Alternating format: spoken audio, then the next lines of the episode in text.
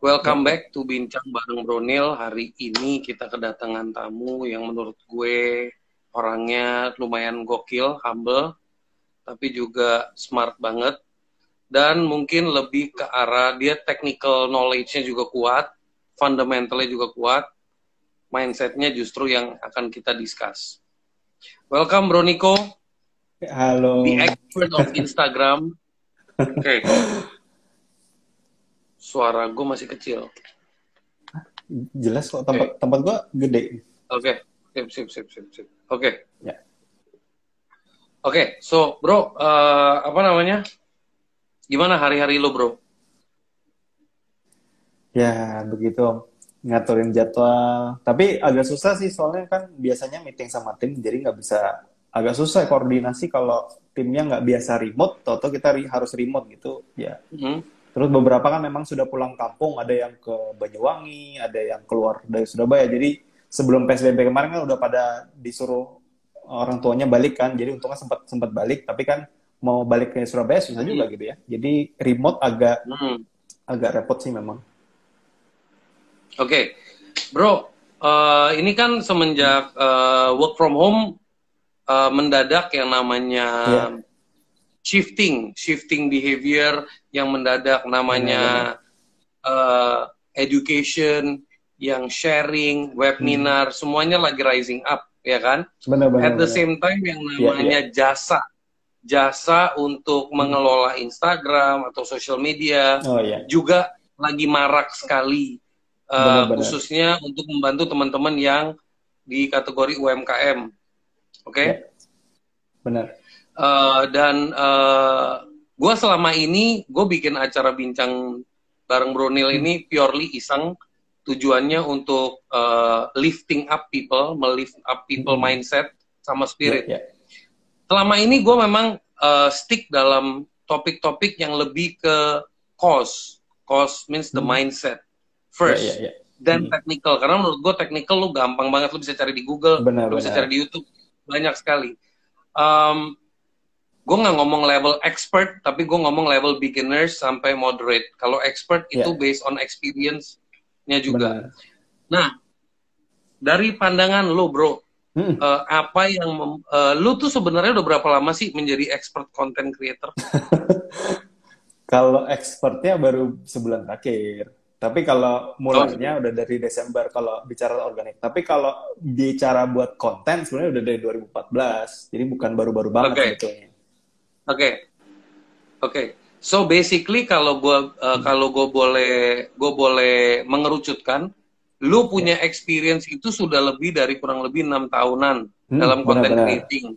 Lu mengerucut men, meng, mengerucut hmm. mempertajam sebagai Instagram expert yeah. itu mulai dari Desember. Karena benar. lu mengerucut kan? Yeah, ya kan? Benar sekali. Dan tujuan. Oke. Okay. Good. Nah, ini um, point to be noted guys. Jadi nobody becomes an expert in two months. Dia punya six benar, years benar. experience dan dia akhirnya memilih untuk mengambil one niche atau one channel yeah. untuk dia dalemin gitu. Mm -hmm. Oke, okay, good, amazing. Nah, bro, um, kadang-kadang banyak sekali orang itu mencoba menjual barangnya lewat Instagram.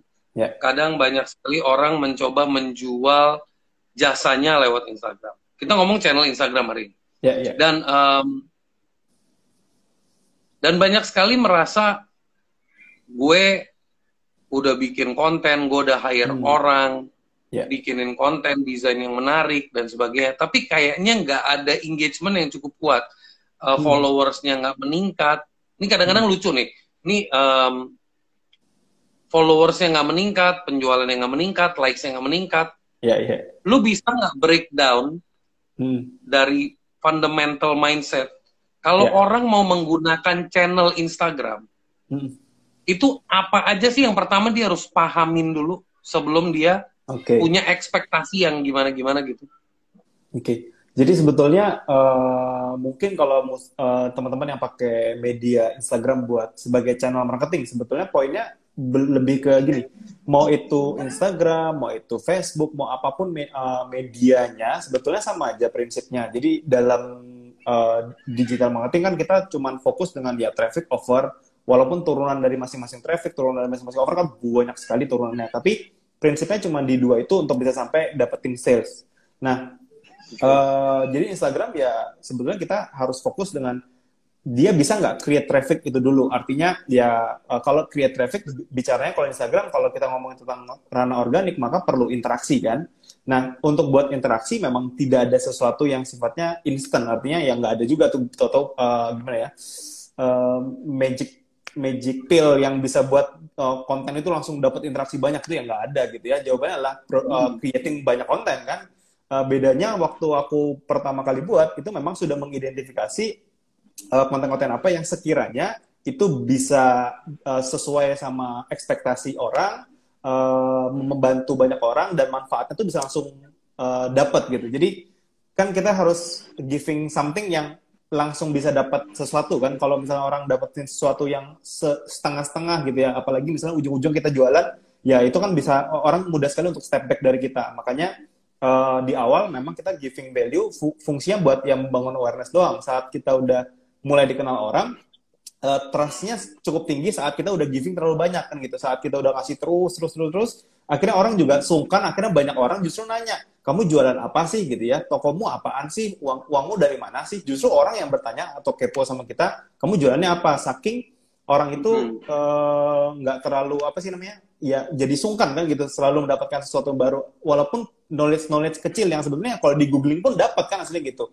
karena kan nggak nggak ada sesuatu yang baru sebenarnya di Instagram. Ya cuma gitu-gitu aja. Hanya beda cara menyajikannya aja. Artinya kalau uh, biasanya orang konsum dalam bentuk ya single image terus banyak teks gitu ini dibuat dalam bentuk visual yang lebih engage yang lebih menarik. Sebetulnya cuma uh, plating lah. Kalau dalam makanan kan uh, mungkin ya sama sama sama nasi goreng tapi karena kita taruh di plate yang berbeda rasanya kok eh, beda. Sebetulnya poinnya sih di situ. Yang membuat akhirnya sebuah konten kita di Instagram itu jadi engaging kan buat orang. Saat engaging, uh, dia excited kan. Saat excited, pengen lagi dong, pengen lagi dong, pengen lagi dong. Nah, traffic itu ter terbuild dari sana, uh, trust terbentuk dari sana, dan sales juga pasti ngikutin. Karena kan, uh, ya pasti pertama, ya kalau misalnya banyak orang trust, pasti saat kita nawarin sesuatu lebih mudah orang beli. Jadi ya poinnya sih sebenarnya ya basic sekali artinya.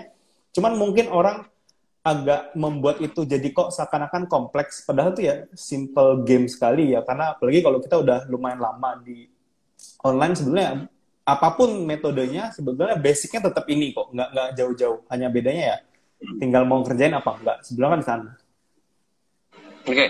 yang gue pengen gali dari lo adalah mem, mem, mematahkan mitos simple karena oh. banyak sekali ya, orang ya. yang mendengar kita ngobrol itu begitu sebenarnya simple kok jadi mereka tuh benar-benar yeah, yeah, yeah. menganggap itu simple buat gue ini saatnya kita lebih lebih membuka diri hmm. lebih menjelaskan sim kenapa itu simple itu nanti gue akan masuk ke situ tapi yeah, tadi yeah. lu sempat ngomong uh, bro gue itu pada saat gue masuk gue mengerucutkan diri gue di dalam Instagram gue udah mempersiapkan kira-kira konten-konten apa aja yang kira-kira disuka sama market hmm. benar, right Yeah. When you say di market, market itu definisinya market yang lo tuju yeah. atau market sembarang market.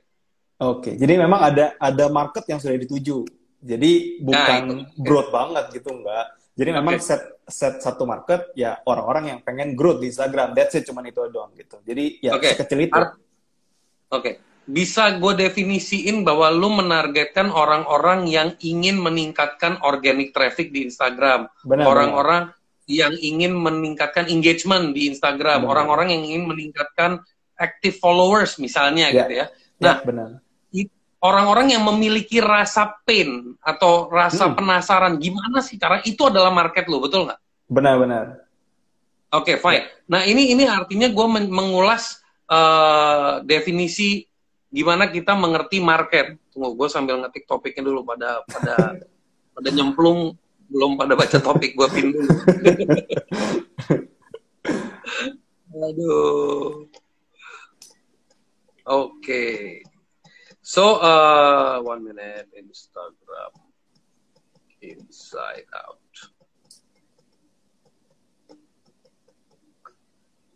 Oke, okay. bro. Uh, tadi kan lu juga yeah. cerita, bro ya soal hmm. semua itu simple. Nah sekarang ini gue mau gue mau tarik ke belakang yeah. dan gue akan melakukan simulasi. Simulasi yang akan gue lakukan adalah gue akan menjadi seorang Sunil yang dikategorikan UMKM yang masih lagi shifting ke digital, ngerti Oke. tentang social media, tapi masih banyak rasa bingungnya. Jadi misalnya gini, Oke. nah gue akan mulai bertanya seperti itu. Jadi Ya, ya, ya. agak agak ngeselin, tapi mohon bersabar, cie Enggak. dan berjiwa biasa, besar. Oke, Eh, Mas Bro, gue udah buka nih, gue udah bikin eh, Instagram gue, gue udah bikin desain-desainnya, tapi kok kayaknya desainnya eh, nggak mendapatkan likes. Terus Oke. aku coba bikin tulisan-tulisan quotes-quotes, tapi juga Hmm. kayaknya kurang, kayaknya naiknya lama. Ya. Aku baru bikin account udah jalan dua bulan, account aku followernya baru 300 misalnya Ya, gitu. ya. Ini gue boleh kasih lo uh, Ya. kondisi-kondisi yang ada di kepala. Semoga itu relate sama audiens yang akan nonton ini. Ya. Dan um, fundamentalnya gimana, Mas Bro, yang bisa lo arahin buat seorang UMKM seperti gua misalnya gitu, Ya, yang ya, sedang dalam complex thinking dan gua lagi merasa menurut Bro Niko ini simple tapi kok jalan ini jelimet. Silakan Bro. Iya, iya, oke. Nah, jadi eh, untuk UMKM sebetulnya eh, yang yang pertama perlu didefinisikan pertama siapa dulu eh, target audiensnya. Jadi sebetulnya eh, aku pengen gali sebetulnya siapa sih sebetulnya potensial buyers yang boleh dibilang tuh bukan buyers, bukan pembeli, tetapi yang yang paling penting buat jadi langganan itu siapa? Jadi kan beda ya antara pembeli dan langganan. Nah, kita tuh mau fokus ke langganan aja. Jadi sekarang harus fokus ke langganan. Kira-kira siapa yang paling ideal, profil seperti apa yang uh, paling ideal buat jadi langganan? Itu itu dulu sebetulnya. Nah, langganan ini kan bisa jadi uh, UKM UMKM misalnya, oh banyak reseller misalnya. Nah, reseller ini kan banyak nanti macamnya. Jadi sebetulnya lebih ke siapa atau misalnya jangan-jangan end usernya yang selalu beli terus kan uh, ada yang berbeda. Artinya ke audiens dulu siapa yang paling potensial. Karena kalau kita nggak berangkat dari ya audiensnya itu nanti ke apa yang kita kerjakan semuanya pasti mislead semuanya. Artinya ya desainnya pasti nggak cocok, kontennya nggak cocok, uh, uh, kapan kita postnya nggak cocok. Jadi sebetulnya itu dulu yang harus didefinisikan kira-kira. Nah kira-kira kira-kira yang paling relate apa nih, Om? Gue kasih contoh ya, gue misalnya Ya. dagangannya frozen food bakso, Oke. misalnya, contohnya itu. Oke. Uh, grosir apa satuan? Jual end user apa Uh, grosir? Bisa grosir, bisa satuan, melayani dua-duanya.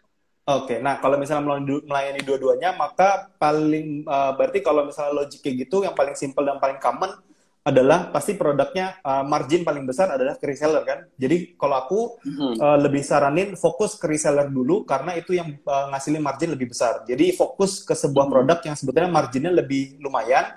Uh, karena kalau kita bicara tentang uh, organik gitu ya, beda kalau kita bicara tentang iklan. Kalau iklan kan bisa mungkin ya dapetin end user karena ya kita bisa mainin harga kan. Tapi kalau misalnya organik sebetulnya lebih bagus atau lebih bijak lebih pilih yang uh, bangun ke reseller artinya yang jual grosiran. Kalau bicara tentang grosiran maka orang-orang yang pengen ngasilkan uang kan gitu. Nah kalau uh, orang-orang yang pengen ngasilin uang dari grosiran artinya ya jualan frozen food kita maka sebetulnya kita perlu educate adalah uh, misalnya paling common kan paling umum mungkin adalah ibu-ibu IRT ibu-ibu rumah tangga yang butuh penghasilan tambahan uh, di rumah gitu ya.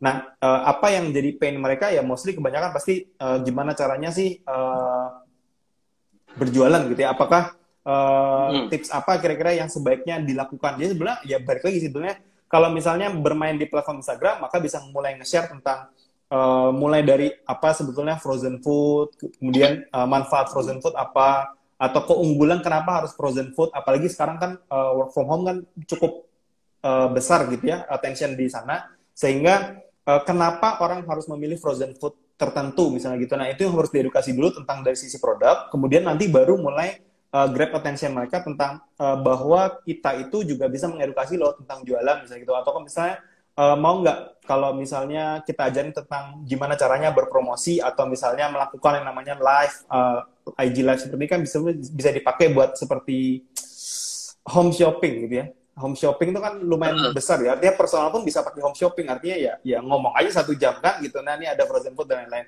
Ya, jadi di sana memberikan tips seputar itu. Yang boleh diambil yang dilakukan adalah curating aja. Jadi nggak perlu buat sesuatu yang kompleks. Artinya nggak perlu uh, membuat sesuatu yang baru ya uh, curating aja. Artinya ngumpulin beberapa sumber toh kita sambil belajar. Kemudian kita dokumentasikan uh, dalam bentuk ya selagi kita belajar kita mendokumentasikan jadi konten itu pun bisa sesuai dengan market kita. Jadi uh, itu dulu sebetulnya fokusnya. Jadi ya balik ke kalau kalau misalnya segmentasinya adalah ya reseller tadi. Sebenarnya kayak gitu okay. sih. Oke okay, good. Um, mas kalau aku ngejalaninnya kayak begitu mas jualannya kapan mas? Itu prosesnya oh, okay. kayak lama mas. Kayak ngejelimet. Ya. Oke. Okay. gimana nah, tuh? jadi jadi gini kalau kalau kita ngomongin tentang jualannya memang ada dua pendekatan kan tadi. Kalau misalnya kita bicara tentang organik itu pasti butuh waktu. Nggak ada nggak ada yang instan kalau kita ngomong organik. Artinya itu kan kita bicaranya berpikirnya tentang uh, jangka panjang.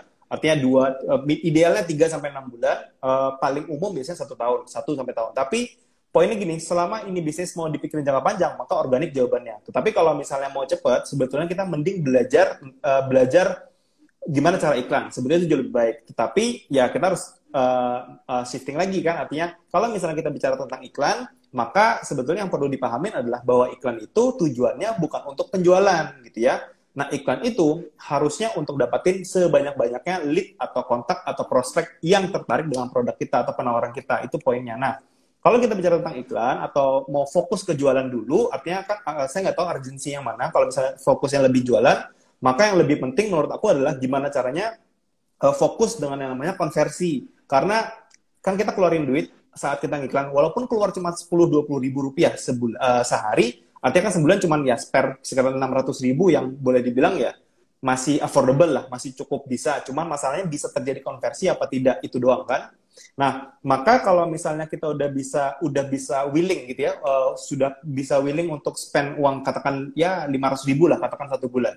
Artinya itu kan masih make sense untuk keluar uh, untuk ya uh, uang jenis apa pun ya 500 ribu itu udah ya kecil sekali ya. Artinya tapi masih bisa diusahakan gitu maksudnya. Nah, kalau kita udah tahu bahwa uh, 500 ribu kita punya budget, maka berikutnya adalah baru kita perkirakan kira-kira penawaran apa sebetulnya yang paling sekiranya itu orang uh, tidak tidak bisa tolak gitu. Jadi saat kita mengiklankan sesuatu, poinnya adalah gimana penawaran itu jadi menarik sekali, captive sekali yang membuat orang kalau misalnya dia nggak nggak nanya minimal itu akan rugi banget gitu. Nah baru kita lihat kira-kira di di ranah frozen food kira-kira apa misalnya sekarang tuh agak-agak orang takut misalnya tok, uh, misalnya orang agak takut nih dengan frozen food yang mungkin kurang higienis katakan gitu maka kita jual higienisnya bisa nggak di shoot beberapa uh, tempat makannya, kemudian eh, sorry tempat masaknya atau tempat gudangnya yang higienis, kemudian mungkin karyawannya yang pakai masker, pakai ya apa pun lah yang sifatnya menampilkan higienisnya. Nah itulah kita pakai sebagai materi untuk iklan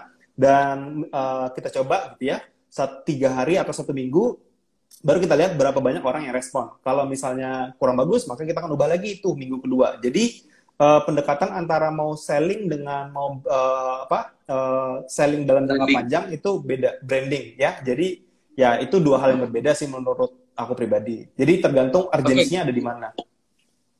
Oke okay, bro, uh, thank you banget. Uh, ini gue yakin yang denger pasti seneng banget. Gue mau menyimpulkan dan mem membutuhkan lu punya yeah, iya, approval. Yeah, yeah. Kalau kalau salah lu koreksi ya bro.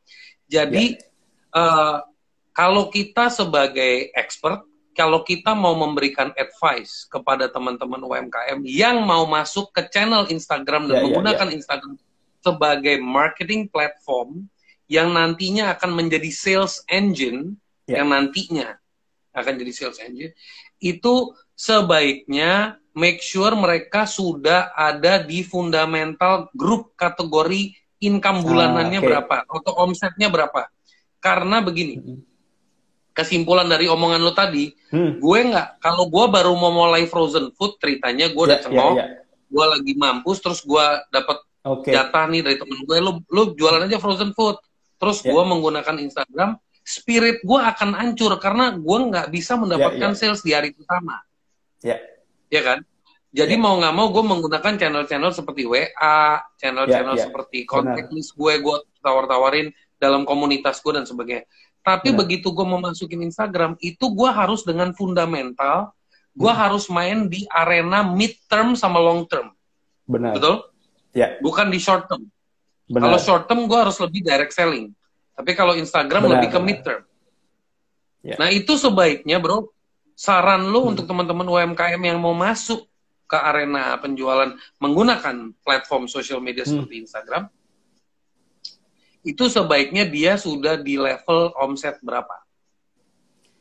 Uh, sih sebetulnya selama ya artinya beda-beda skala bisnis atau skala UMKM, tapi intinya selama dia ada uh, sudah bisa punya budget katakan uh, idealnya lah budget untuk marketing itu ada di angka ya satu orang marketing itu udah uh, berapa apa pun ya apa di kota mana pun di ya seluruh uh, selama dia punya katakan dia bisa afford untuk satu orang marketing gaji orang satu marketing sebetulnya itu udah bisa uh, untuk apa namanya ya untuk pakai medium untuk iklan sebetulnya sih uh, di sana artinya ya okay. kan startingnya idealnya intinya bisa uh, afford 600 ribu untuk iklan setiap bulan tanpa ekspektasi bisa ada sales itu udah uh, paling paling uh, low bottomnya gitu. Oke, okay. berarti dengan memiliki keberanian untuk uh, menginvestasikan atau membakar 600 ribu sebagai hmm. branding cost, awareness cost, itu dia sudah layak untuk masuk ke arena ini. Dan kedua hmm. adalah begitu orang uh, mau masuk ke arena ini, dia bisa pakai organik. Tentunya kalau hmm. yang organik itu kan dia harus punya punya understanding ya, punya kesadaran. Oh yeah, ini iya, nggak yeah, yeah. cepet nih, ini proses. Benar-benar. Ya kan. Benar-benar. Sedangkan uh, kalau mau pakai iklan dia juga sama. Ini gue lagi bangun kolam. Orang-orang yang mau masuk adalah orang-orang hmm. yang minat ke gue dulu, minat ke brand yeah, gue yeah. dulu, betul kan? Hmm. Minat ke Benar-benar. informasi gue dulu. Yeah. Berarti bukan menjadi pen, bukan terjadi penjualan, tapi masih ngumpulin peminatnya dulu nih. Ya kan? Oh, tapi kalau kalau iklan lebih langsung ke sales aja, Om. Kalau kalau bisa iklan. juga ke sales. Oke. Okay. Hmm. Berarti kalau kita ngomong iklan ada dua. Kalau lu mau gunain hmm. iklan itu untuk bangun kolam leads, hmm. bisa. Yeah. Lu Benar. mau langsung direct sales juga bisa, betul kan? Benar-benar, ya. Which is good. Oke okay, bro, itu tadi masuk sebagai Instagram solution for UMKM. Semoga teman-teman yang nonton bisa ngerti fundamentalnya. Gue pengen ngebahas lebih dalam, tapi gue mau switch lagi ke topik yang yeah. orang yang punya mindset berbeda. Hmm. Gue lagi pengen cari duit dari Instagram. Ceritanya gue bukan dari UMKM, tapi yeah. gue adalah seorang individu. Okay. Gue pengen bangun sebuah channel, yeah. channelnya channel motivasi atau channel yang urusannya tentang yeah. kebaper-baperan lah, karena hubungan relationship tapi ya. baper. Yeah. Gue bangun lah channel yeah. kayak begitu kan peminatnya banyak ya kan, dengan tulisan-tulisan yeah. yang agak-agak nyindir gitu kan. Yeah. Nah, yeah. itu kan juga butuh proses bro, right? Benar. itu juga butuh proses. yeah. Dan hmm. uh, itu langkahnya up. Kalau kalau mindset seperti itu, lu ngesaran ini hmm. gimana? Artinya gue ngebangun, gue menjadi content creator gitu kan. Yeah. Gue menjadi content creator, and uh, gue mau bangun konten, dan hmm. abis itu gue make money-nya dari either endorsement hmm. atau apa ya? Uh, paid itu ya? bisa. Apa? Hmm. Ya paid promote, sorry ya bahasanya paid promote. Ya kayak gitu-gitu bisa nggak lo lo give the hmm. story okay. atau tips atau langkah-langkah okay. fundamentalnya oke okay. jadi kalau bicara tentang content creator sebetulnya ingat bahwa content creator itu uh, ya artinya nggak ya lebih ke passion ya artinya karena dia uh, membuat sebuah konten dari passionnya artinya uh, dia harus tahu kan uh, konten dia sebetulnya lebih mudah untuk membuat konten dalam jumlah banyak karena biasanya idenya cukup banyak dan karena dia hmm. bisa relatable sama audiensnya uh, artinya uh, konten jadi nggak terlalu problem dibandingkan sama yang UMKM tadi tapi sebagai individu atau uh, orang yang lebih ke content creator sebetulnya fokus pertamanya sebetulnya kalau dari pengalamanku sih sebetulnya uh, hal yang perlu digenjot adalah satu uh, kalau bisa menggulung snowball effect dari ya apa yang kita lagi bangun artinya dari konten kita jadi nggak usah terlalu dulu fokusin dengan namanya uh, apa namanya monetize-nya. Jadi monetize itu okay. pasti akan ada datang ke kita sebagai content creator saat kita udah dapat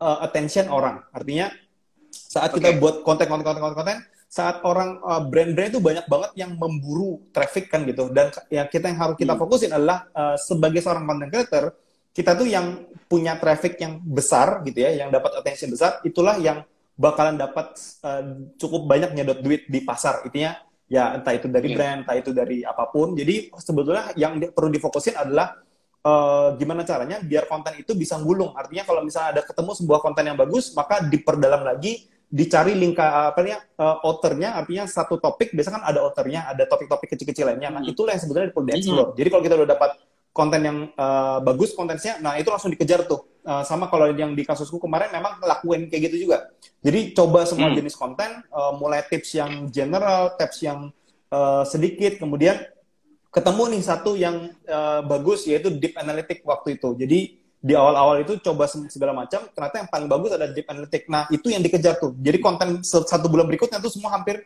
temanya deep analytic semuanya. Sehingga itu tergulung. Jadi audiensnya makin makin makin makin excited, uh, traffic makin besar, awareness makin besar. Nah, brand mulai banyak yang otak. Jadi uh, waktu di bulan kedua aku udah mulai banyak dapat eh boleh nggak endorse, boleh nggak uh, paid promote. Jadi hanya di bulan kedua, artinya hmm. ya bulan Januari waktu itu, waktu bulan Januari akhir itu udah mulai banyak dapat promote endorse tapi ya sampai detik ini nggak ada terima satu pun memang karena memang akunnya memang yeah. bukan dibuat pakai begituan kan gitu jadi tapi poinnya adalah ya saat kita punya banyak traffic eh, itu akan nyedot banyak uh, ya monetize artinya bisa ngasihin duit poinnya sih di sana okay. ini ada satu barusan kalimat lo itu bikin gua uh, menyadarkan satu pertanyaan baru pada saat kita ngebuat sebuah channel, ini buat teman-teman yeah. yang mungkin udah levelnya influencer, yang udah hmm. membangun channel yang dengan effort ya. Berarti yeah, kan yeah. channel itu tercipta dengan sebuah image. Benar, misalnya gue ke channel XYZ, XYZ yeah, itu yeah. topik tentang uh, relationship misalnya, yeah, oke? Okay? Yeah, atau kon atau lebih lu bilang relationship lebih deep lagi, konflik in relationship berarti lebih spesifik okay. tips. Iya, yeah, iya, yeah, benar. Nah, terus suddenly uh, konten itu yang sifatnya edukatif, sifatnya engagement, hmm. udah rapi, udah semua berarti udah tercipta itu, udah tercipta yang Benar. namanya uh, scam. Bahwa kalau ya. lu mau ngomongin relationship konflik, lu ke sini, ibaratnya gitu ya. Benar, orang ya, benar, benar. Oke. Okay. Ya, ya. Dan di saat itu si outernya, outer berarti si hmm. pemilik channel itu. Ya.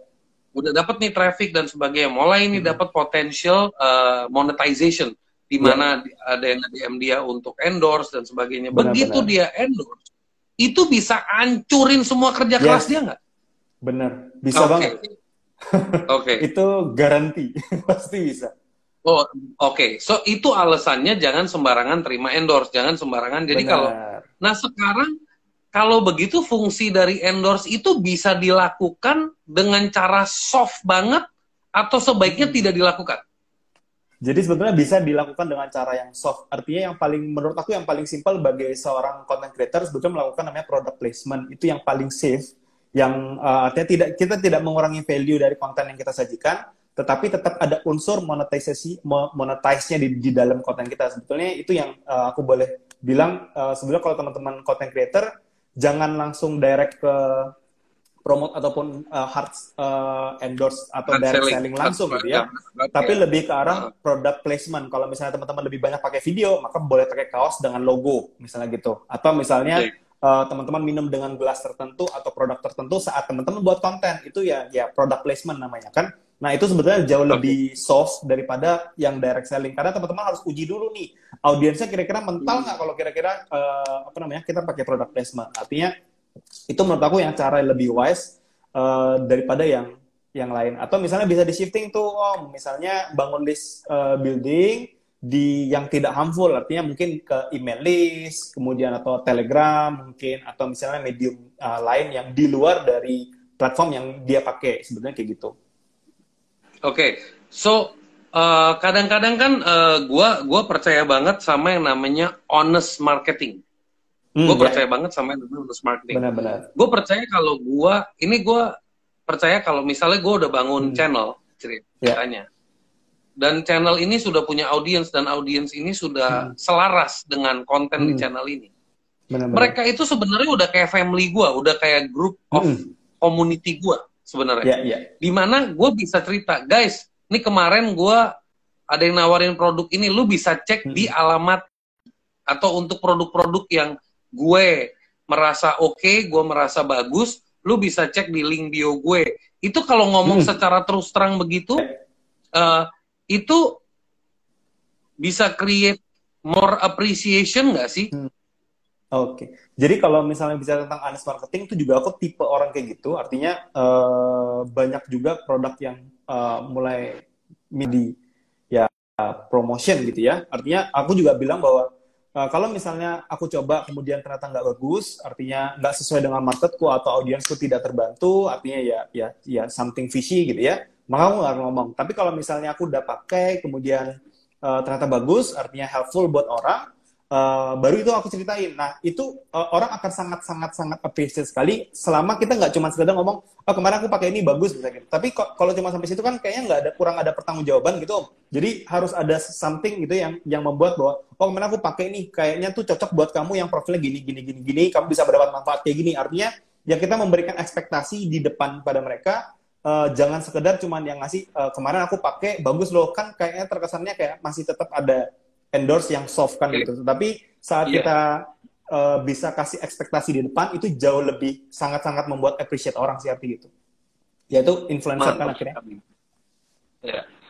Very good. Uh, jadi teman-teman yang lagi nonton, uh, sorry beberapa orang sempat nanya, gue belum gue belum masuk ke sesi tanya jawab dan memang stylenya bincang bareng Bronil itu gue yang demen menggali si audiens buat men-trigger otak-otak lo pada yang nonton. Jadi Iya. Gua fokus dulu ke arah gua dulu, baru nanti masuk ke sesi tanya jawab. Dan uh, tujuannya sebenarnya untuk uh, menjaga agar teman-teman yang kemarin-kemarin sibuk uh, fokus, kita tuh culture kita lucu bro, yang gue perhatiin, yang namanya culture copy hmm. paste. Hmm. Lu caranya gimana bro? gue ikutin cara lu dengan harapan gue jadi kayak lu gitu kan. Nah, bener, itu bener, kan bener. salah bro. Jadi sebaiknya gue ya, ngerti ya, ya Kenapa lo bikin bener. keputusan itu? Apa yang ada bener, di benak bener. pikiran lo? Supaya gue paham kalau gue ngambil keputusan harus gimana. Jadi bukan yeah, yeah. apa, tapi gimana. Itu yang lebih penting. Hmm. Nah, bro, uh, my last question, bro, uh, adalah tentang personal branding. Tadi kita yeah. ngomong influencer, tadi kita ngomong hmm. UMKM, sekarang kita ngomong yeah. personal branding. Seberapa penting dari kacamata lu ya hmm. uh, and try to be objective on this yeah. personal branding buat anybody itu seberapa hmm. penting di Instagram because we are talking about Instagram ya yeah. jadi sebetulnya kalau bicara tentang personal branding buat aku sih uh, terutama dari ya pengalaman selama ini gitu ya yang ya namanya bangun bisnis kan gitu ya uh, manis pahit ada semuanya. Tapi buat aku uh, apa yang baru aku sadarin beberapa uh, tahun kemarin tepatnya dari tahun tahun kemarin sebenarnya sih sadarnya udah lumayan lama. Cuma tahun kemarin tuh benar-benar uh, impactnya lumayan keras ke aku gitu ya.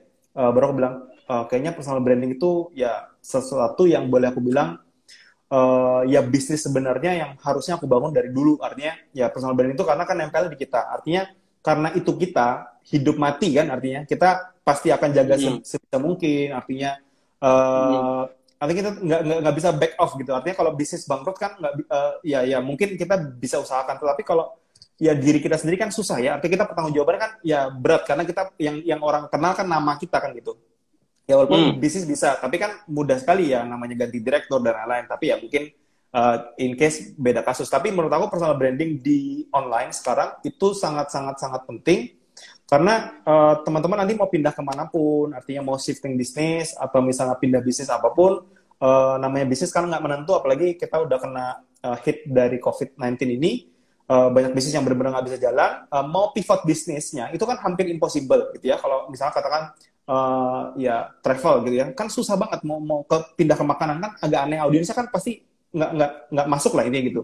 Tapi kalau kita sebagai person sebagai personal uh, kita mau ke mana aja orang akan memahami sebagai ya seperti yang lu bilang bro. Kalau kalau uh, kalau misalnya Om Sunil bilang ya orang mengenalnya kita sebagai manusia kan wajar kalau misalnya kita oh uh, saya cerita oh ternyata bisnis saya tuh kayak gini uh, tahu sendiri kan covid kayak gini jadi saya mulai nih uh, sama istri atau saudara misalnya kita kita jual makanan kita coba lihat kayak gimana hasilnya tapi ya coba lihat dulu kayak gimana artinya uh, orang akan mudah sekali menerima ya sesuatu perubahan karena ya, ya itu nempelnya di kita sebagai personal kan gitu, tidak sebagai sebagai brand. Kalau brand agak susah. Okay. Jadi sebetulnya hal yang paling wise menurut aku untuk dibangun sekarang ya adalah personal branding. Apalagi mostly kebanyakan media sosial kan free. Artinya ya tinggal hmm. kita spare waktu aja uh, creating something gitu ya yang ya kita pengen membuat orang tuh ekspektasinya apa ke kita sebenarnya itu doang sih.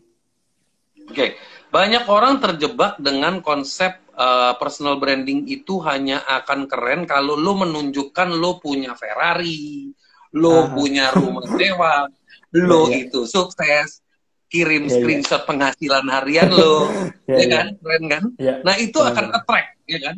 Dan itu akan memvalidate. Apakah itu langkah yang sebenarnya disarankan dan efektif?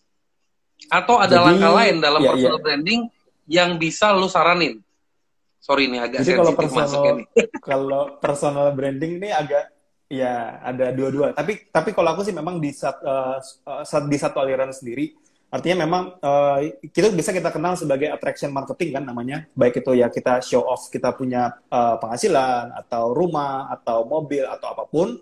Eh, tapi kalau buat aku sendiri sebetulnya itu boleh menurut aku dimunculkan, tetapi bukan sebagai image utama kita itu yang salah. Artinya gini loh orang kenal kita kan bukan karena mobil kita kan atau bukan karena pencapaian kita tetapi karena apa yang kita kasih ke mereka sebetulnya.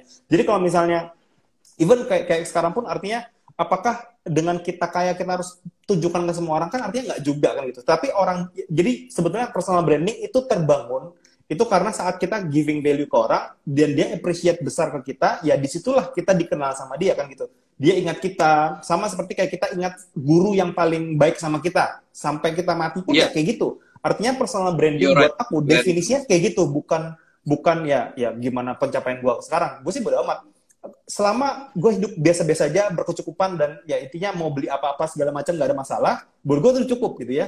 Tetapi apa yang gue kasih ke audiens itu yang jauh lebih penting sehingga dia bisa growth nggak apa pun bentuknya gitu ya. Karena kan gue tahu apa, apa yang dibutuhkan sama mereka. Tetapi ya eh, ngasih ke mereka terus sampai ya artinya sampai orang itu bisa appreciate sama kita banget walaupun kita nggak kenal dia kan gitu.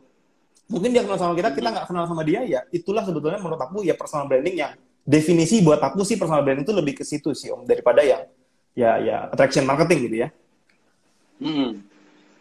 Oke, good. So that means gue simpulkan dulu bahwa kalau ngomongin personal branding, guys, eh, kalau tujuan lo pengen dikenal sama orang, lo harus dikenal lo itu siapa, lo itu jagonya di mana, lo itu bisa membantu orang ke arah mana. hmm benar-benar Itu itu lebih lebih baik, bukan berarti yang men-showcase achievement-nya itu jelek, bukan. Karena gue harus harus tergantung target market ini. Kalau gue Hmm, mau benar-benar. attract orang yang pengen cepet sukses, cepet kaya, ah, oke, ya, ya, ya, ya. gue harus show off dulu. Lu gue nggak, Benar-benar. jadi apa yang gue ngomong itu yang harus gue buktiin. Misalnya gue bilang, lu Ya, mau ya, ya. sukses, nah gue tunjukin dulu kebuktian sukses gue, Ya, ya. benar nggak bro? benar-benar Tapi ada juga orang nggak perlu nunjukin dia punya Benar. wibawa, dia punya aura aja udah cukup untuk Ya. eh, membuat orang itu understand.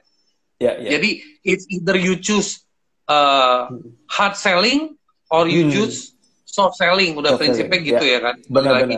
Nah sekarang kita masuk ke arena yang namanya tadi kita ngomongin bisnis UMKM Ya. buat pemasaran di Instagram, kedua kita ngomongin influencer, ketiga kita nah keempat kita ngomongin soal jasa, Bro. Jadi kalau Oke. kita ngomongin soal jasa, ini relate banget. Um, Hmm. Instagram itu eh, dari kacamata lo itu dia Hmm. adalah channel seperti apa sih, Bro? Dan manfaat Hmm. utamanya apa sih, Bro? Eh, buat aku sih sebetulnya semua platform di Indonesia sebetulnya yang paling besar atensi buat aku sih atensi yang lagi aku jaga adalah eh, sebetulnya nggak cuma Instagram sebetulnya yang lain juga cuman eh, ini baru mulai nih jadi eh, mulai minggu depan itu aku mulai eh, spread out artinya keluar dari Instagram eh, ada di semuanya tapi memang eh, masuk ke ranah Instagram doang tapi tetap karena ya orang kan kenalnya Instagram jadi lebih mudah untuk membuat ekspektasi itu kan di di, di tempat lain untuk mudah penetrasinya. Jadi sebenarnya ya poinnya sih sama ya. Jadi kita pakai uh, apa yang kita unggul sekarang itu untuk keluar gitu kan. Jadi ya jual jual jual nama lah sedikit gitu. Jadi uh, uh, sebenarnya fokusnya nanti ke, lebih ke YouTube juga, ke LinkedIn Mhm. juga. Uh, tapi LinkedIn sudah ada sih. LinkedIn sudah, uh, Instagram kayak biasa, kemudian TikTok sama uh, Facebook sih. Facebook itu cuman agak-agak ya agak-agak paling terakhir sih memang. Jadi memang eh, semua tetap akan dipakai gitu ya. Ya karena lumayan lumayan banyak. Kalau video kayaknya masih bagus, cuman ya kita lihat dulu. Tapi juga nggak terlalu ekspektasi besar gitu ya. Yang yang cukup bagus sih memang eh, TikTok, Instagram, YouTube, LinkedIn empat empat yang paling paling aku jaga sih sebetulnya. Jadi eh, kalau bisa tentang kalau ngomongin tentang spesifik Instagram, sebenarnya sama buat aku semua itu adalah medium untuk nge-reach sebanyak-banyaknya orang, untuk ngasih kesempatan ke orang itu uh, apa apa knowledge yang aku punya, apa penemuan yang aku pelajari itu bisa di-share ke banyak orang di mana pun platform apa pun. Jadi bodo amat lu mau dengar mau, dengar apa enggak gitu ya. Ya yang pasti gue udah kasih gitu. Jadi kalau lu ingat ya sudah, kalau enggak ya udah bodo amat gitu. Jadi sebenarnya buat aku sih sebenarnya cuman ya, ya creating content aja sebenarnya lebih ke arah sana sih. Oke, okay. gue suka banget barusan lo ngomong. Kita akan kembali ke topik jasa nih bro. Sebelum masuk hmm. ke topik jasa, gue mau tanya. Berarti kita nggak perlu capek-capek. Tapi menurut gue bukan nggak perlu capek-capek sih. Bahasanya gue rela. Berarti kita nggak perlu terlalu uh, stuck dengan pemahaman-pemahaman tertentu. Misalnya Insta Instagram itu tempatnya orang bisa uh, menemukan impulsive buyers. Oke, okay, ya ya ya. Jadi Terus uh, YouTube itu kita yeah, ya. menemukan yeah. orang yang attentive listener. Yeah, yeah. Karena mereka watch, ya. attentive. Yeah. Jadi kalau namanya mau menghipnotik sesuatu, YouTube Benar. is the place. Tapi okay. kalau ngomongin uh, impulsif itu um, Instagram. Tapi kalau ngomongin review based, yeah. itu Facebook.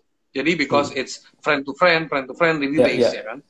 Yeah. Dan uh, itu uh, definisi-definisi yang kalau kita go deeper and deeper and deeper. Yeah, yeah. Tapi yang tadi lo bilang, lo memposisikan diri lo dulu sebagai siapa, lo mau ngapain. Hmm. Kalau lo mau jualan, yeah. langkahnya ABC, lo udah siap nggak?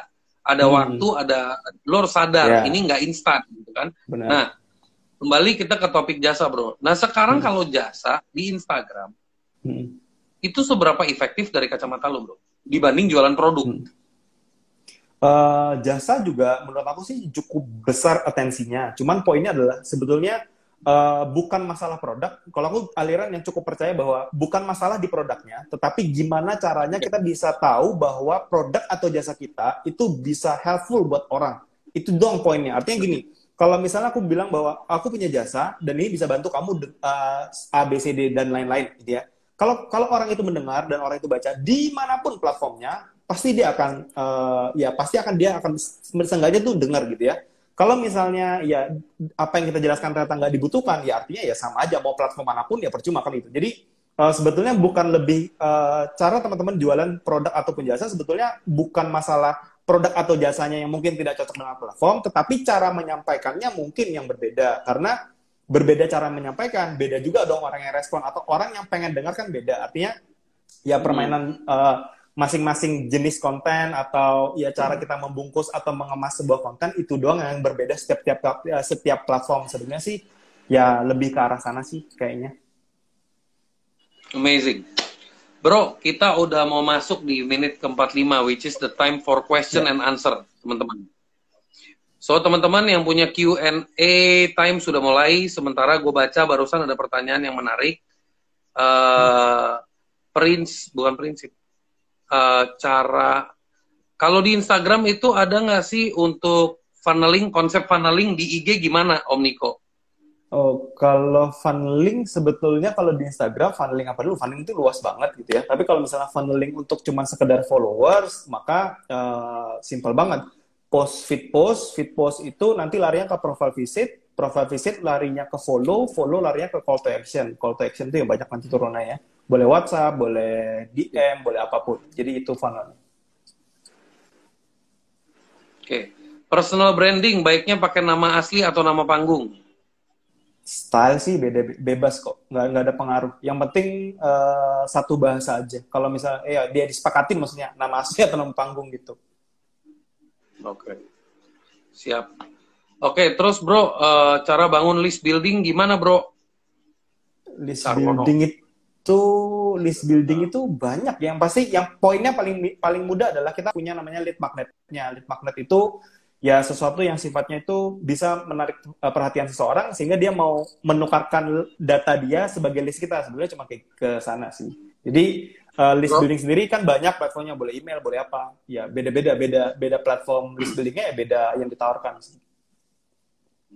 Bro Sarwono, gue kasih lo tip ya. Kebetulan uh, lo punya pertanyaan itu menggelitik dan membuat gue uh, sedikit terbangun. Cara bertanya ini kalau diganti kalau lo cara bangun list building itu lo bisa dapat di Google. List building yang paling efektif yang Bro Niko sudah lakukan gimana? itu pertanyaannya, Bro. Oke, lain kali belajar bertanya yang tepat. Nah, kalau itu tuh pasti gue jawab tuh dapur-dapur gitu. Iya. Gimana Kak cara riset hashtag? Apakah ada toolsnya? Ada deh. Riset hashtag itu ada, ya banyak. Gue bilang aja banyak kok. Si Yudis, Yudis sempat bikin viral. Viral. Coba lo Viral cek juga viral. Viral juga lumayan bagus tuh. Yes. Ya. Pengen afiliasi produknya sama Mas Niko gimana? Ah itu Japri DM. Iya.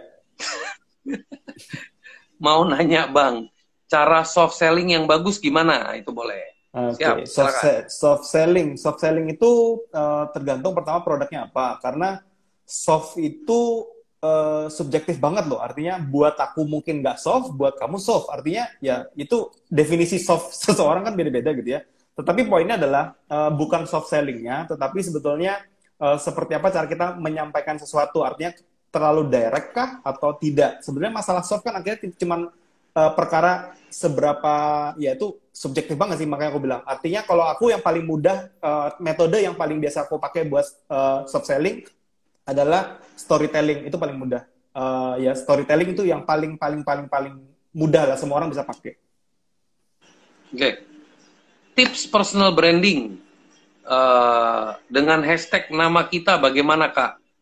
Ng- nggak terlalu bagus ya karena personal branding dengan hashtag tuh nggak ir- irrelatable jadi nggak nggak nggak ada pengaruh sebetulnya Irrelevan Dari ya, aku- irrelevan. ya? irrelevant sorry Iya. irrelevant irrelevant Ya. Oke, so uh, no need to use your name as a hashtag. Use Ya. your cause, your purpose as a ya hashtag. benar Oke. uh, bagaimana jualan di IG barang berjenis komoditi? komoditi. Kalau komoditi itu kan nggak tahu komoditi kan banyak ya. Komoditi apa dulu? Eh, komoditi yang dipakai buat end user kah atau komoditi yang dipakai buat corporate? Artinya eh, B2B kah atau B2C? Artinya komoditi kan luas banget gitu ya. Eh, beda komoditi ya beda juga cara jualannya sebetulnya. Sebenarnya bukan cara jualannya, tetapi lebih cara membangun list prospeknya sebetulnya itu poin pakai IG sebetulnya bukan jualannya ya. Oke. No, ini ada ada orang ngiseng nih gua. gue gigit. Novila Gustian. Oke, gue jawab aja pertanyaan yang nggak berfaedah ini dengan jawaban yang sangat berfaedah, ya kan? Soal numbuhin jenggot. Jadi caranya lo harus duduk bersila dengan tangan terlipat dua, terus lo ngomong, gue mau jadi kayak Bronil, gue mau jadi kayak Bronil, di bawah pohon pisang tiga jam tiap hari, seminggu gue jamin langsung tumbuh, oke? Komoditi B2C. Oke, good. Kalau kita fokus untuk networking bisnis, bagaimana membangun personal branding yang oke? Networking business networking business apa maksudnya networking business apa network marketing Kalau kita fokus untuk networking bisnis ya, bahasanya kan sekarang zaman sekarang dihalusin ya. MLM Oh, lah gitu. ya. MLM maksudnya. atau Kalau- mungkin gua salah, mungkin Anton, mungkin Antoni maksudnya beneran bisnis networking atau bisnis eh, eh, marketing, gua nggak tahu. Mungkin bisa diperjelas. Bagaimana membangun Iya. personal branding yang oke? Kalau relate ke situ harusnya eh, MLM, jadi personal brandingnya dibangun. Mm-mm. Mungkin bisa lebih spesifik Antoni nanti biar bisa dijawab. Mau tanya Bang, selama menggunakan IG Ads dalam melakukan split test, apa saja yang harus dilakukan? Apakah ada metode yang paling simpel? Nah, silakan Pak. Kalau split test itu eh, paling mudah tuh paling paling barbar adalah pertama ngetes dulu dari split test eh, ad copy-nya. Ad copy itu kan banyak ya bagian ads itu. Kemudian kalau sudah dapat Mhm. winningnya baru nanti pindah ke ad set, baru baru nanti ke campaign. Sebetulnya eh, urutannya kayak gitu. Kalau yang metode aku pakai sih sebetulnya paling simpel kayak gitu. Karena kalau udah ketemu winning winning eh, copy-nya atau winning ad copy-nya sebetulnya bukan kita pakai satu juga ya. Nanti kita akan rotate. Artinya cuman pengen tahu sebetulnya seperti apa konten yang biasa orang konsumsi dan orang suka. Kalau misalnya kita tahu orang suka, cost kita iklan itu sebenarnya bisa lebih ditekan. Itu poinnya sebenarnya dari split test uh, copy. Baru nanti kita uh, scale gila-gilaan ke audiens yang lebih besar. Sebenarnya sih kayak gitu. Oke, ini bagus juga nih. Ketika kita sudah menjadi influencer terkenal, baiknya perkembangannya lebih ke arah penjualan jualan, apa terima jasa endorse atau paid promote. Kalau gue kok orangnya tipenya lebih suka buat produk sendiri karena kalau gue paid promote produk orang itu kan gue nggak tahu nih masalah after salesnya dan lain-lain dan ya karena Iya. orang belinya lewat gue kan susah ya kita ngomongnya tentang ya ter lu kecewa karena gua lagi gitu kan. Jadi itu kenapa aku Iya. biasanya agak agak agak sensitif kalau misalnya mau endorse sesuatu kalau nggak ada historical di belakangnya itu agak agak agak males sebetulnya. Tapi eh, itu kenapa aku lebih suka jualan dengan produk sendiri sih. Artinya ya karena gue yang jaga gue yang buat. Artinya kalau ada feedback apa kan gue bisa langsung cepat eh, perbaikin kayak gitu sih. Bro Niko ada produk affiliate nggak yang sekarang? Maksudnya Nggak tahu. Affiliate. Bro Niko ada produk affiliate nggak yang sekarang? Artinya lu Ada, selama ini jualan dua. produk affiliate nggak? Oh, lu affiliate ada. produk orang? ada ada ada ada Ada, ada, oke. Atau lu juga punya produk lu yang bisa diafiliatkan gitu ya? iya ada juga Oke. Oke. Akun-akun yang posting ilmu bisnis gini sebetulnya jualan mengasuh akun nggak ya? Jualan mengasuh akun, gua nggak ngerti nih. Kayak jadi admin medsos, content creator di akun orang gitu. Gua nggak ngerti pertanyaannya, seriously. Kalau lo ngerti lo bisa jawab. nggak tahu gue nggak ngerti juga Oke, skip kalau gitu. skip Kok testimoni yang tepat agar customer tertarik untuk membeli? Kadang testi Teh, menjadi aduh benar kelewat nih pertanyaannya tadi. Oh ya kadang testi menjadi nggak bisa dipercaya karena yang tulis banyaknya teman-teman yang oh. pasti bilang positif. Oke, kalau testimoni itu memang kita nggak bisa judgmental. Artinya buat orang yang tidak pernah lihat, artinya testimoni siapa pun ya bagus. Artinya pos, selama itu positif sebetulnya itu udah bagus. Artinya ya, ya kita juga nggak bisa setting kan. Kalau kita, eh kasih dong eh, testimoni yang banyak gitu. Kalau misalnya mau bagus ya buatlah, dan ya, mintalah dalam bentuk video gitu. Cuma kan orang Indonesia agak susah ya buat dimintain testimoni dalam bentuk video. Jadi ya, baik lagi menurut aku nggak ada masalah sih. oke ini barusan yang tadi yang Anton Anthony S. Siadi ini eh, dia specifically business networking. Tadi yang dia bilang buat personal branding. Jadi Oh. bukan MLM tapi lebih ke business networking. Itu Business gimana tuh bro networking. tipsnya tadi tentang personal branding buat Eh, business networking? sama artinya gini nah kalau kalau kayak gitu artinya se- sebenarnya sama aja sih berangkatnya dari audiensnya kira-kira siapa kemudian painnya dia painnya dia apa atau misalnya ya apa yang membuat audiens itu lebih entertaining gitu ya. Nah itu yang perlu dibuat sebetulnya kontennya. Jadi kalau kita bicara tentang personal branding itu kan tidak ada yang instan nggak nggak ada yang tahu-tahu satu dua tiga kali buat postingan tahu-tahu jadi selebgram kan nggak gitu kan prosesnya artinya nggak mungkin personal brand kita terbangun kalau kita cuma buat sedikit konten artinya buat sebanyak-banyak konten yang menjawab kebutuhan mereka sebenarnya kayak gitu doang sih Oke. Mau tanya bang, upload berdasarkan waktu tertentu masih efektif nggak? Misalnya di jam-jam tertentu, Hmm. karena kan posting tanpa interaksi juga percuma ya. Benar, jadi memang posting itu harus di jam orang lagi aktif. Kalau postingnya jam tengah malam ya dikit lah masih interaksinya kan nggak ada yang buka. Jadi ya pasti relevan lah masih. Keluar, ah, ini gue gua mungkin gua gua gua modif pertanyaannya kan ada tips dari abang-abang cara membangun super tim solid dengan minim modal budget di awal bagaimana? Kasih dua tips yang paling paling paling konkret dan paling efektif untuk membangun super tim. Super tim. Kalau tim itu gue selama ini sih eh, banyak kan tuh partner. Artinya eh, gue nggak selalu suka gaji orang lagi sekarang. Jadi kalau untuk yang tim-tim baru, artinya masih tim kecil, biasanya gue akan offer mereka, eh, yuk partner sama gue aja. Eh, lu kerjain part bagian ini yang gue nggak bisa kerjain, artinya lu kerjain. Kemudian eh, di depan langsung putusin, gue cuma bisa mampu ngasih komisi kayak gini, nah lu mau apa enggak? Kemudian ya kalau dia mau ya kita eh, sepakatin, kemudian jalan dulu. Artinya kenapa kayak gitu? Karena kalau misalnya aku langsung gaji mereka eh, atau gaji orang atau buat tim yang be- bentuk adalah eh, apa fixed cost itu berat banget buat buat aku di awal karena ya aku sendiri juga masih tentatif kan gitu. Tapi saat kita grow bareng-bareng, income dia jauh lebih besar, eh, incomeku juga besar. Artinya di sana baru kita mulai cari yang ya artinya tim yang benar-benar lebih skillful, yang lebih eh, oke dan kita masih udah, udah mampu untuk gaji mereka secara fixed cost. Artinya sebetulnya yang pertama perlu dibangun adalah tim eh, yang sifatnya partner dulu. Itu kalau styleku sih. Tapi beda orang beda style soalnya. Oke. Kalau style gue beda dan gue nggak bisa jelasin di sini karena bakal panjang. Tapi anyway, Benar ini toy-nya adalah our star is Nico. So focus on Nico. Apa saja yang membuat IG account di band? Aku nyepam, nyepam, Oh, nyepet. eh, pakai pak jualan barang KW pakai hashtag brand Oke. atau ya gitu gitulah sesuatu yang sifatnya copyright itu paling kejam pasti Oke, Bang Niko, saya udah affiliate KIO. Boleh dapat data pixel dari link klik saya nggak? Hehehe. Apaan tuh? Gua nggak ngerti. Technical Skip. question maybe. Iya Skip. Oke, good. Cara nembak target IG ads yang gitu gimana, Bang?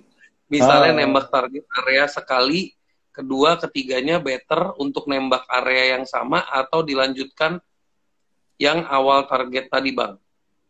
Eh, gini kalau iklan itu sebetulnya bukan masalah eh, gini iklan itu sama nggak ada yang beda gitu ya secara teknis sama semuanya nggak ada yang beda yang beda tuh ada gini loh kalau mau jadi eh, ngiklan yang bagus yang konversinya bagus itu sebetulnya gini audiensnya siapa kemudian message-nya itu harus eh, specified buat mereka gitu loh. Misalnya gini eh, iklannya ke areal Surabaya maka bilang eh, khusus nih buat kamu yang di Surabaya. Jadi eh, dengan me- memanggil seseorang atau memanggil audiens khusus buat kamu yang pakai iPhone. Kita iklannya ke iPhone doang. Nah itu kan eh, menarik buat mereka dan itu persona personalized. Artinya eh, sekarang itu eranya personalized. Kalau kita nggak bisa personalize ke spesifik orang itu akan susah banget kita convert ke mereka karena setiap orang itu maunya beda-beda. Kalau kita nggak bisa spesifik eh, apa ngasih message yang spesifik juga artinya kita mau pengen satu iklan bisa buat semua orang gitu ya mending iklan TV kan daripada iklan apa iklan online kan gitu. Oke, iklan iklan digital itu jagonya adalah ya personalize Eh, setiap konten akan punya satu market sendiri. Nah itu sebetulnya iklan itu harus mematchingkan antara siapa yang lihat iklan dan apa iklannya sebenarnya kayak gitu jadi Oke. ya bukan banyak banyak banyak tes kota dan lain-lain. Oke, guys, kita udah di penghujung acara. Buat teman-teman seperti Tania, Vio, Real Trade yang nanya gimana cara create agency, mohon maaf, Erlangga belum sempat dijawab pertanyaan lo karena sesinya seru banget. Gue akan mungkin kalau Bro Niko berkenan, gue akan bikin part 2-nya dengan Bro Niko uh, dengan uh, tanggal yang nanti kita set. Buat uh, saat ini gue mengucapkan terima kasih banget Bro Niko ya lo udah lo udah kasih gue dan teman-teman insightful information. Thank you banget for your time. Thank you Sama-sama. banget for your spirit. And keep rocking, keep rising, keep shining. And I hope we can do part two. You are Yeah. amazing person. And buat teman-teman yang tadi nonton juga, yang nanya juga, thank you sangat supportnya. And keep rising guys, keep rising. okay yeah Good luck.